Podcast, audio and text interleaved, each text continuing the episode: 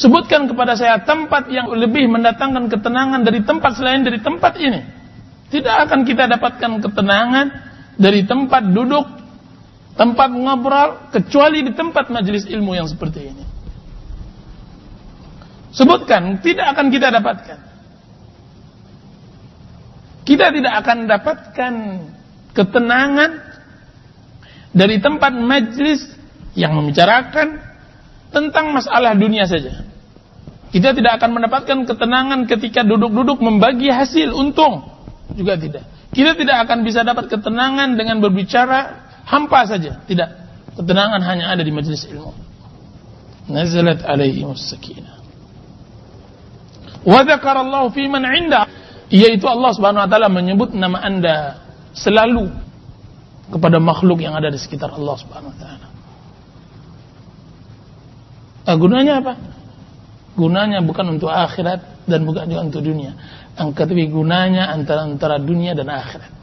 Ketika ruh Anda telah berpisah dari jasad dan Allah Allah Subhanahu wa taala memerintahkan malaikat mengangkat ruh. Kemudian penduduk langit akan bertanya, "Wahai malaikat, ruh siapa ini?" Maka disebut ruh si fulan bin fulan.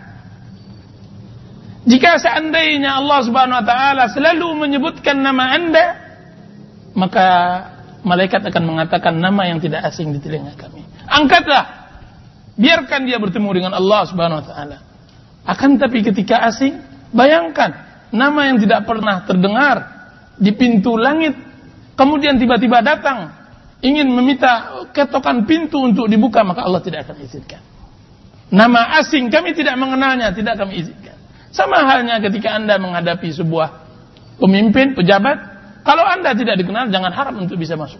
Kan tapi ketika Allah mengenal Anda, orang-orang satpam dan semacamnya yang penjaga pintu mengenal Anda, maka Anda akan lulus. Wa fi man indah.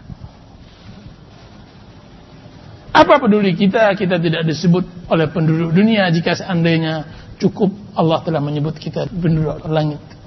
Itulah yang disebut oleh Allah Subhanahu wa taala wali dari wali Allah. Nama dia tidak tahu, tidak dikenal di kehidupan dunia, kan tapi namanya masyhur.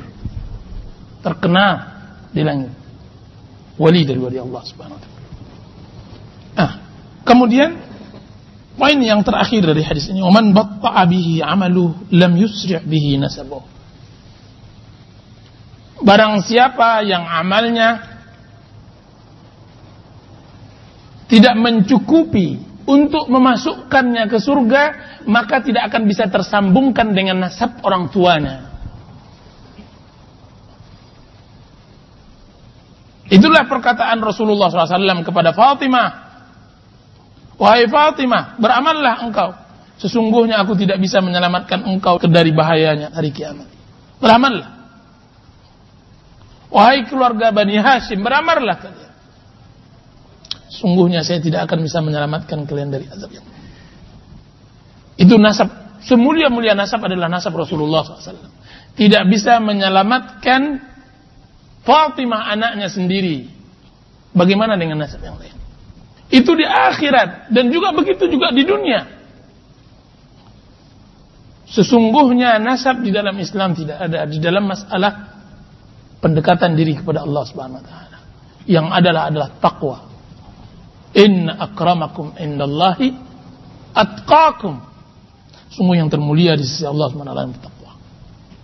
Dan itu berlaku di kalangan kaum muslimin.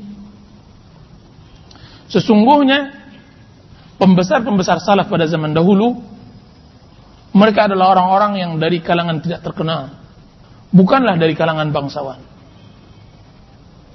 akan tetapi dari apa mereka bisa menjadi pemimpin dunia pemimpin umat imam orang-orang yang bertakwa dengan ilmu dan din diriwayatkan oleh Imam Zuhri rahimahullahu taala. Dia mengatakan, sini disebutkan oleh Tirmidzi. Dia mengatakan, suatu hari saya datang kepada Abdul Malik bin Marwan. Siapa itu Abdul Malik bin Marwan? khalifah, khalifah Bani Umayyah. Kemudian berkata khalifah, "Wahai Zuhri, engkau datang dari mana?"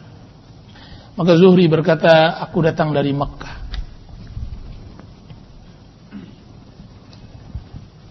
Kemudian berkata Abdul Malik bin Marwan, "Siapa yang engkau tinggalkan menjadi pemimpin di Makkah?"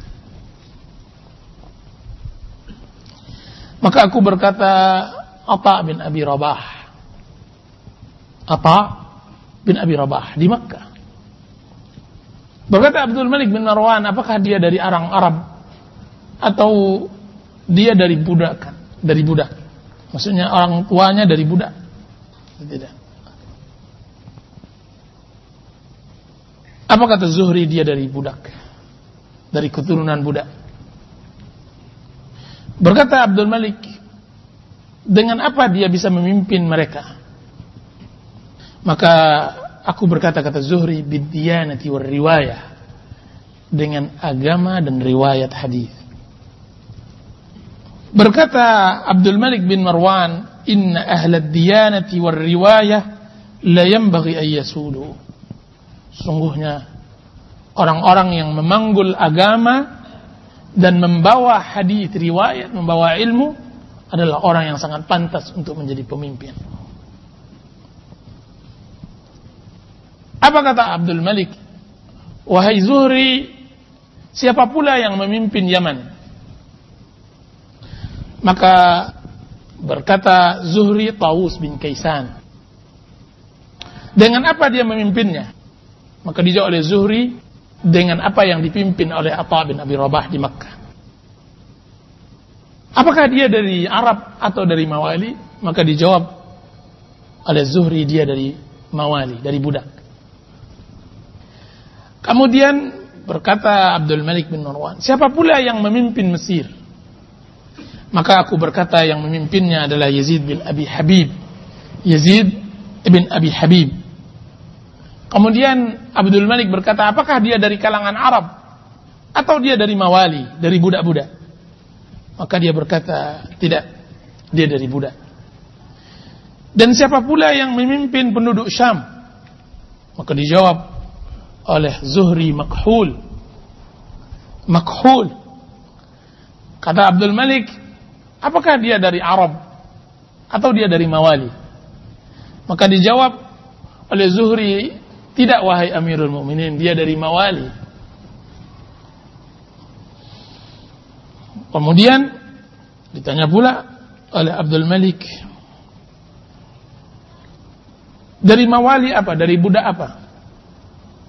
Dia mengatakan budak dari orang Egypt yang dibebaskan oleh seorang wanita dari Bani Hudayl. Siapa pula yang memimpin Ahlul Jazirah? Ahlul Jazirah itu ada di pertepian Arab. Aku berkata Maimun bin Mihran. Apakah dia dari Arab atau Mawali? Dia jawab dari Mawali. Kemudian mengatakan siapa pula yang memimpin Khurasan? Dia hitung semua kota-kotanya, kota-kota yang dia membawahinya. Siapa pula yang memimpin Khurasan? Maka Zuhri berkata yang memimpinnya adalah Abdahak bin Muzahim.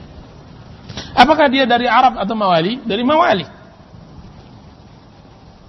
Dari Arab atau Mawali dia jawab dari Mawali. Dia bilang siapa pula yang memimpin Basrah? Maka Zuri berkata Hasan al-Basri. Apakah dia dari Arab atau Mawali? Dijawab dari Mawali, dari budak. Siapa pula yang memimpin orang Kufah? Maka dia menjawab Ibrahim An-Nakhai. Apa kata Zuhri? Maka saya takut kemurkaan sang khalifah. Saya jawab kalau seandainya dari Mawali, maka saya jawab dia dari Arab, yaitu Ibrahim An-Nakhai. Dicari, dia pilih, dia usahakan, dapat selevel-level ulama besar di Kufah, dia dapatkan seorang Arab bernama Ibrahim An-Nakhai. Berkata Abdul Malik bin Marwan, ya Zuhri, apakah dia dari Arab atau dari Mawali? Apa kata Zuhri? Tidak ya Amirul Mu'minin. Kalau ini dia dari Arab. Apa kata Abdul Malik demi Allah celaka engkau wahai Zuhri sekarang baru engkau lepaskan napas saya Wallahi demi Allah sesungguhnya mereka-mereka itu akan memimpin Arab sampai tidak ada lagi yang bisa berkhutbah di mimbar kecuali dari kalangan mereka. Apa kata Zuhri, ya Amirul Mukminin, idza huwa amrullah wa dinu man hafizahu sadah wa man dayya'ahu saqa. Ya Amirul Mukminin, sesungguhnya perkara ini adalah perkara din. Barang siapa yang menjaganya dia akan memimpin dan barang siapa yang melalaikannya maka dia akan hilang. Maka itu yang dijawab semuanya dari mawali. Bayangkan. Orang-orang yang ayahnya dari budak. Kan tapi dengan apa dia memimpin? Makhul, Atta, Maimun bin Mihran, Hasan al-Basri. Dan yang lainnya dengan apa? Dengan ilmu. Dengan ilmu. Man batta'a bihi amaluh, lam yusri' bihi nasabuh. والله تعالى أعلم أعوذ بالله من الشيطان الرجيم من يشفع شفاعة حسنة يكن له نصيب منها Allah Ta'ala berfirman Siapa saja yang memberikan syafaat yang baik Niscaya ia akan memperoleh bagian daripadanya Quran Surat An-Nisa ayat 85 masuk kita ke bab yang ke-30 bab syafaat. Syafaat ini berbeda maknanya dengan syafaat yang ada di dalam kitab tauhid. Walaupun secara bahasa dia sama, akan tapi secara istilah berbeda. Syafaat di dalam kajian adab dan akhlak adalah seseorang mengusahakan untuk menyelesaikan problema saudaranya dengan sarana-sarana yang dia miliki untuk mendapatkan manfaat atau untuk menjauhkan mudarat. Itu disebut syafaat. Yaitu seseorang dia berikan kemudahan bagi saudaranya muslim karena kedudukan yang dia miliki. Kebetulan memang dia adalah salah seorang pejabat dalam sebuah dinas. Kemudian ada saudaranya muslim. Apa pun bentuk kedudukannya, apakah rakyatnya, apakah bawahannya atau semacamnya datang. Karena kedudukannya ini dia beri syafaat. Memo bahwa keinginannya telah disetujui. Itu disebut syafaat. Syafaat lebih mengenal lagi ketika dia bermakna dia sebagai perantara untuk memudahkan urusan saudaranya muslim kepada seseorang yang dia kenal, yang tidak dikenal oleh saudaranya tersebut. Itu juga bermakna syafaat seorang perdana menteri kenal dengan presidennya, dengan rajanya. Dan tiba-tiba ada seorang muslim, rakyat biasa, ingin menyampaikan keluhan kepada raja. Kan tapi tentu tidak akan mudah untuk bertemu dengan sang raja. Kemudian melalui syafaat kata memo dari secarik kertas oleh perdana menterinya, maka masuklah muslim ini bertemu rajanya. Itu disebut syafaat. Allah Subhanahu wa taala mengatakan may yashfa syafa'atan hasanah. Barang siapa yang memberi syafaat, barang siapa yang memberikan memo yang baik, maka dia akan mendapatkan memo yang baik pula yang semisal dengannya. Yaitu seorang muslim mempergunakan kedudukannya, jaringannya yang luas, mempergunakan hubungannya dengan orang-orang yang di atas untuk kemudahan kaum muslimin bukan untuk menyulitkannya. Dan ini adalah bentuk syafaat. Dan ini juga bermakna bermakna sedikit semacam nepotisme. Akan tapi nepotisme yang diperbolehkan. Atau istilah orang sekarang kerjasama, itu kerjasama. Atau diam-diam main di belakang. Akan tetapi yang baik. Jadi tidak semuanya di dalam Islam itu buruk. Syafaat di dalam Islam sangat dianjurkan. Bagaimana sih salaf dahulu menggunakan fasilitasnya?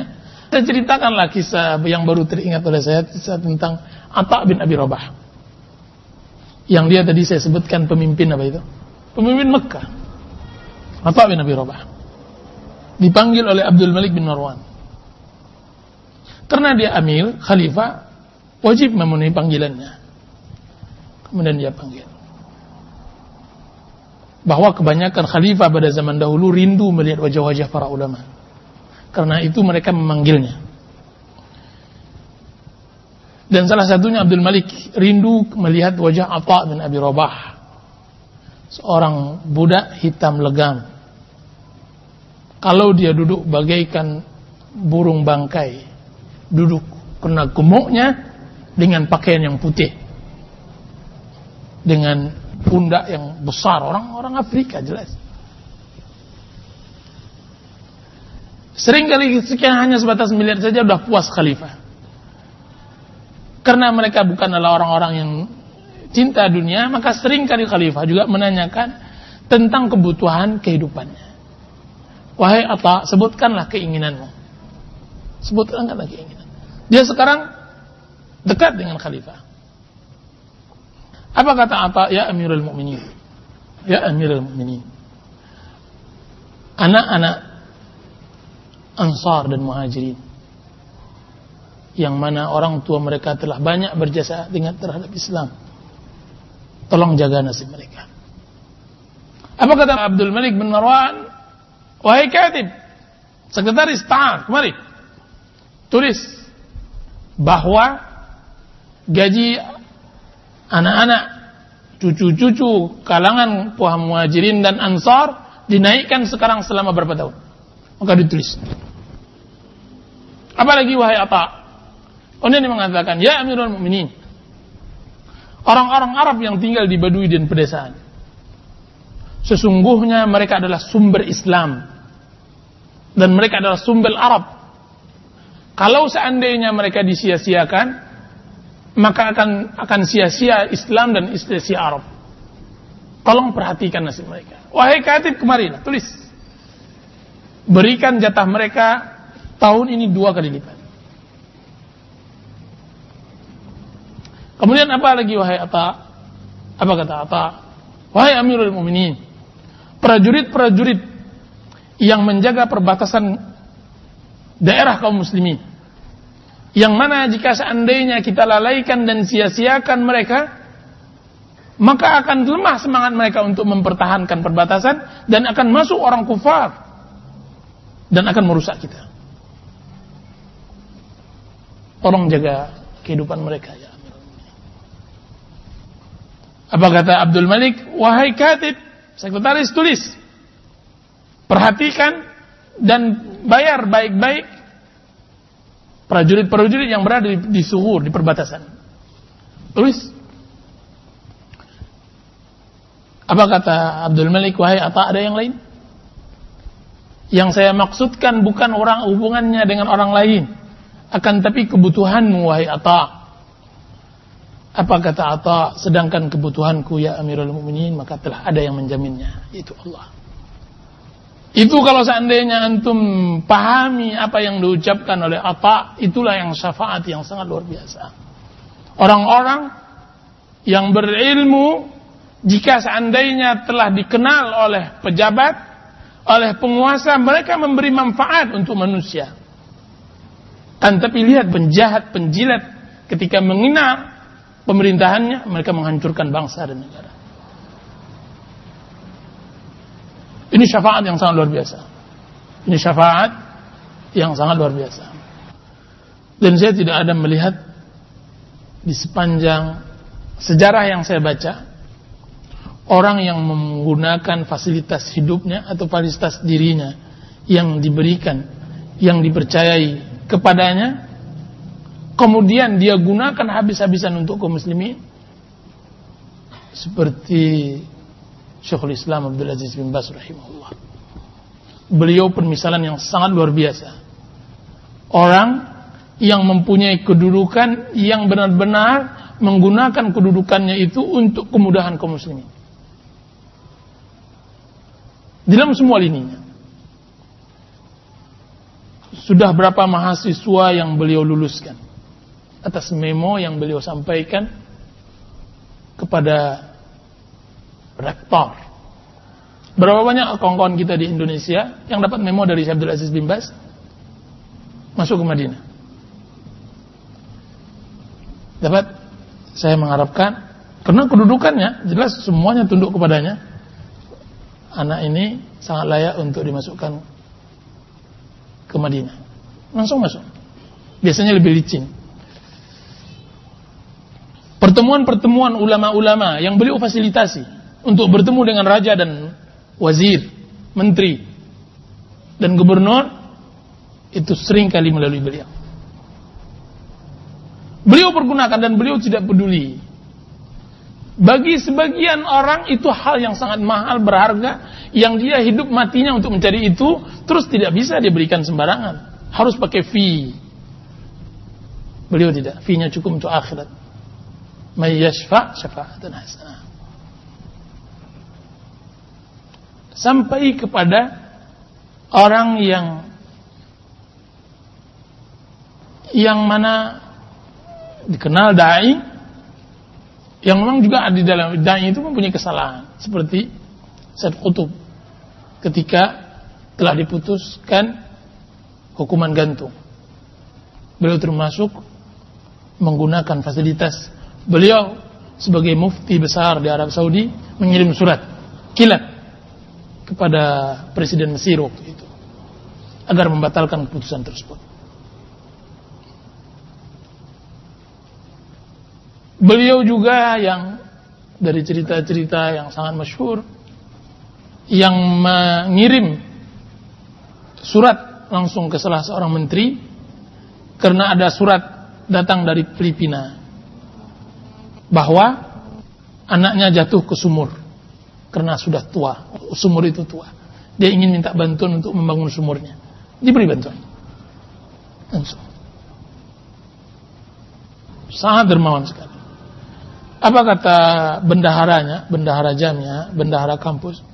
Sering kali saya bimbas itu menanyakan kepada saya gajinya. Dan dia lupa. Sering kali dia menjawab, Syekh, gajimu bukan hanya bulan ini, dua bulan yang akan datang sudah habis. Karena syafaat tadi. Orang yang sangat luar biasa. Di mobil yang beliau berangkat, di kiri kanannya ada lima orang. Dua penulis, dua penerima telepon. Semua telepon beliau jawab. Semuanya beliau janjikan minimal, kalau tidak langsung menulis. Ketika ada telepon minta bantuan, langsung dia kirim. Wahai penulis, wahai katib, tulis bahwa ini izin saya keluarkan uang 10 ribu dolar, keluarkan uang 5 ribu dolar, keluarkan. Begitu kehidupannya itu di mobil ketika dia berangkat. Bayangkan ketika dia duduk di kursi. Makanya kehidupan beliau berkah begitu luas sangat luar biasa. Syafaat beliau gunakan. Nah seorang muslim seharusnya menggunakan fasilitas yang dia miliki untuk kemudahan kaum muslimin. Untuk kemudahan kaum muslimin. Kita cukupkan sampai di sini. Sallallahu alaihi Muhammadin wa alihi wasallam. Wassalamualaikum warahmatullahi wabarakatuh. Seorang yang datang ke masjid mendapatkan imam sedang sholat dan telah ruku dan hendak tidak karena takut tidak mendapatkan rakaat maka dia ruku di tempat di belakang soft sendirian. Itu tidak dibenarkan. Dia memposisikan dirinya di belakang soft sendirian tidak dibenarkan sesuai dengan sabda Rasulullah SAW. La salata li munfaridin khalfas soft. Tidak sah salat seseorang sendirian di belakang soft. Akan tetapi seseorang yang melakukan ruku ketika mendapatkan imam ruku posisinya tidak sejajar atau tidak berada di soft itu diperselisihkan oleh para ulama tentang sah atau tidaknya, tentang boleh atau tidaknya. Yang rajih Allah taala alam itu diperbolehkan akan tapi makruh. Sebagaimana hadis Rasulullah SAW kepada Abu Bakar